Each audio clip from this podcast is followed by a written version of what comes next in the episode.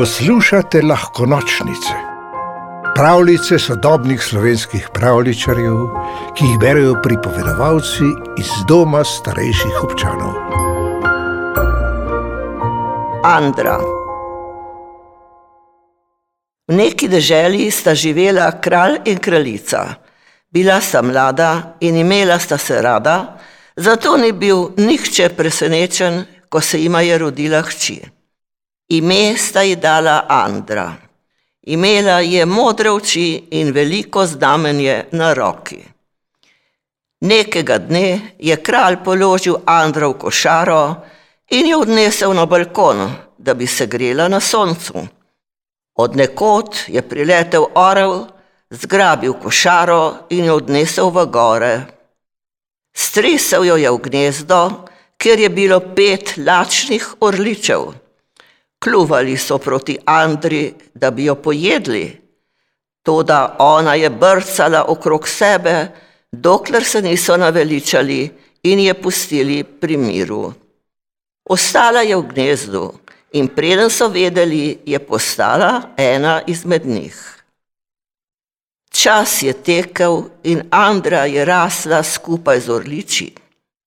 Ko je prišel dan, da poletijo, se je enemu usedla na hrbet in sta šla skupaj z njimi v svet. Leteli so iz dežela v deželo in se tu pa tam spustili v kakšen kraj. Andra je opazovala ljudi, naučila se je njihovega jezika in navad. Včasih se je prikradla v kakšen kot in poslušala, kako so si govorili zgodbe, se smejali ali se prepirali. Po dnevi jih je gledala, ko so delali, in zdeli so se ji strašno zanimivi. Opazila je, da imajo vsi otroci starše, in zaželela si je, da bi jih imela tudi ona. Začela je spraševati ljudi, ali poznajo kakšno mamo in očeta, ki sta izgubila hčer s plavimi očmi in znamenjem na roki. Vsi so samo odkimavali. Jata se je morala vse pogosteje spuščati med hiše in orli so jo morali vedno dalje čakati. Vedno bolj so bili nestrpni in nekega dne, ko je ni in ni bilo nazaj, so se dvignili v zrak, še enkrat obkrožili vas in odleteli. Tako je Andra ostala med ljudmi. Sedla je na klop v parku in je bila zelo žalostna, kako sta jo lahko oče in mama kar tako izgubila in je začela jokati. Videli so jo ljudje in poklicali župana. Župan je prišel in je vprašal, kje so njeni starši. Rekla je, da ne ve in povedala ljudem svojo zgodbo. Ljudje so se čudili in nek mož je rekel, da lahko ostane pri njihovi družini, dokler ne najde svoje. Andra je privolila. Hitro so jo vzljubili in ona je vzljubila njih. Nič več ni pogrešala mame in očeta. Nekega dne pa je prišel razglas iz prestolnice, da kralj umira. Že nekaj let je bil strašno žalosten in ta žalost je bila tako huda, da ga bo zdaj, zdaj pokopala. Kdor ga lahko potolaži, si bo zaslužil njegovo neizmerno hvaležnost in večno prijateljstvo. Ljudje so v trumah romali v mesto. Pred gradom so stali veliki šotori, v katerih so bili specialisti za žalost. Vsakogar so vprašali, kako bo potolažil kralja. Povedal mu bom, da čas celi vse rane, je rekel eden. Objel ga bom in mu bom zapel uspavanko, je rekel drugi. Govoril mi bo vice, je rekel tretji. Specialistom taki odgovori niso bili všeč in le redkim so sploh dovolili, da vstopijo.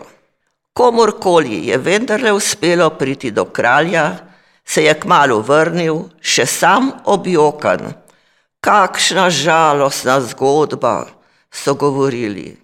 In potem je vsak tako močno vzdihoval, da sploh ni uspel povedati, kaj se je kralju zgodilo. Govorice o kraljevi žalosti so se hitro razširile. Prišle so tudi do hiše, v kateri je živela Andra.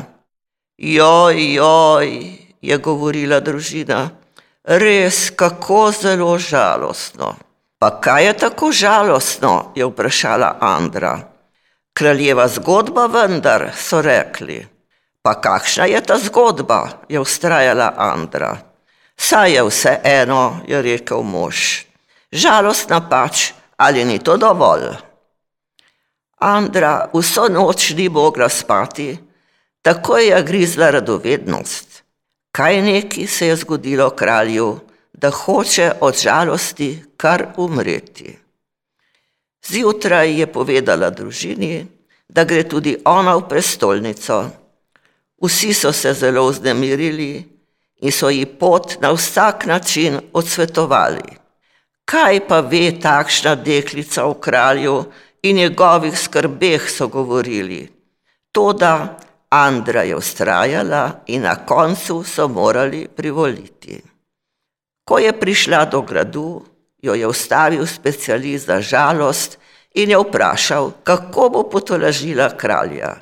Ne vem, je rekla Andra, najprej moram izvedeti, zakaj je žalosten. Specialist z njenim odgovorom ni bil zadovoljen in jo je poslal nazaj domov. Andra je stala pred gradom in razmišljala, kam naj gre.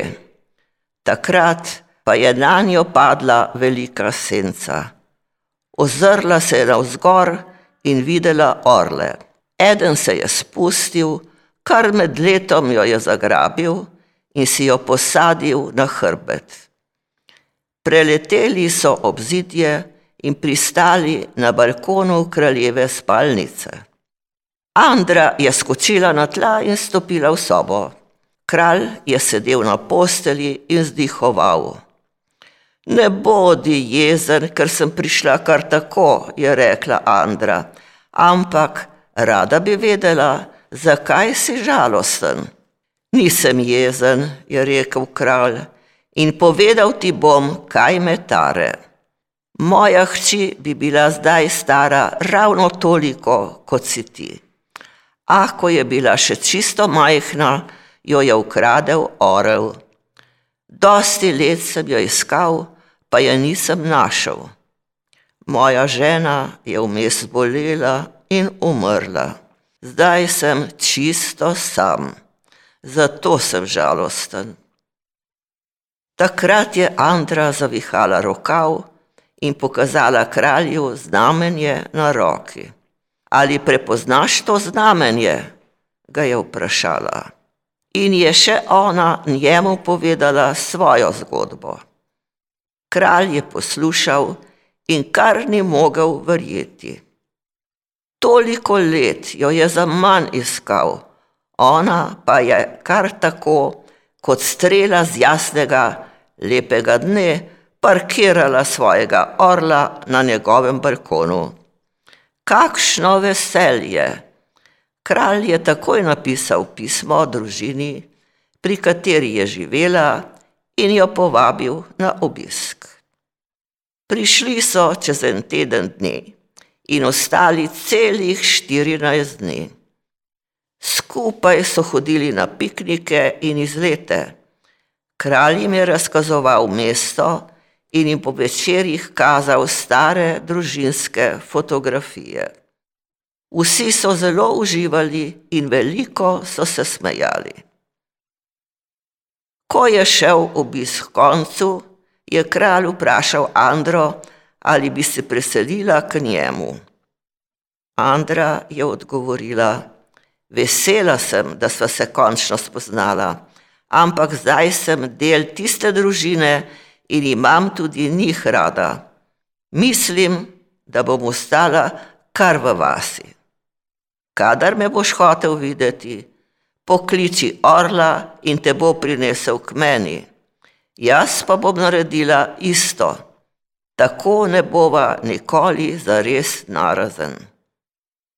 Kralj ni najbolj zaupal orlom, a se je vseeno strinjal. Naslednji dan se je družina kralju lepo zahvalila za gostoljubje in ga povabila, naj tudi on kdaj obišče njih. Andra in kralj sta se objela, potem pa je ona skupaj z družino odletela. Od takrat naprej so ljudje pogosto videvali orle, kako letijo nad mestom proti gradu in nazaj. Glejte, Andra gre, so klicali ali pa kralj gre obiskat Andro. Tako so se navadili na njo, da jih sploh ni presenetilo, ko je čez veliko let kralja nasledila na prestolu. Toda to je že druga zgodba in naj bo povedana kdaj drugič. Pravljico napisala Ana Duša, pripovedovala Ivica Prosena. V deželo princesk, zmajev, gozdnih vil in ostalih čarobnih biti ste vabljeni na lahko nočnice, pika si, pa lahko noč.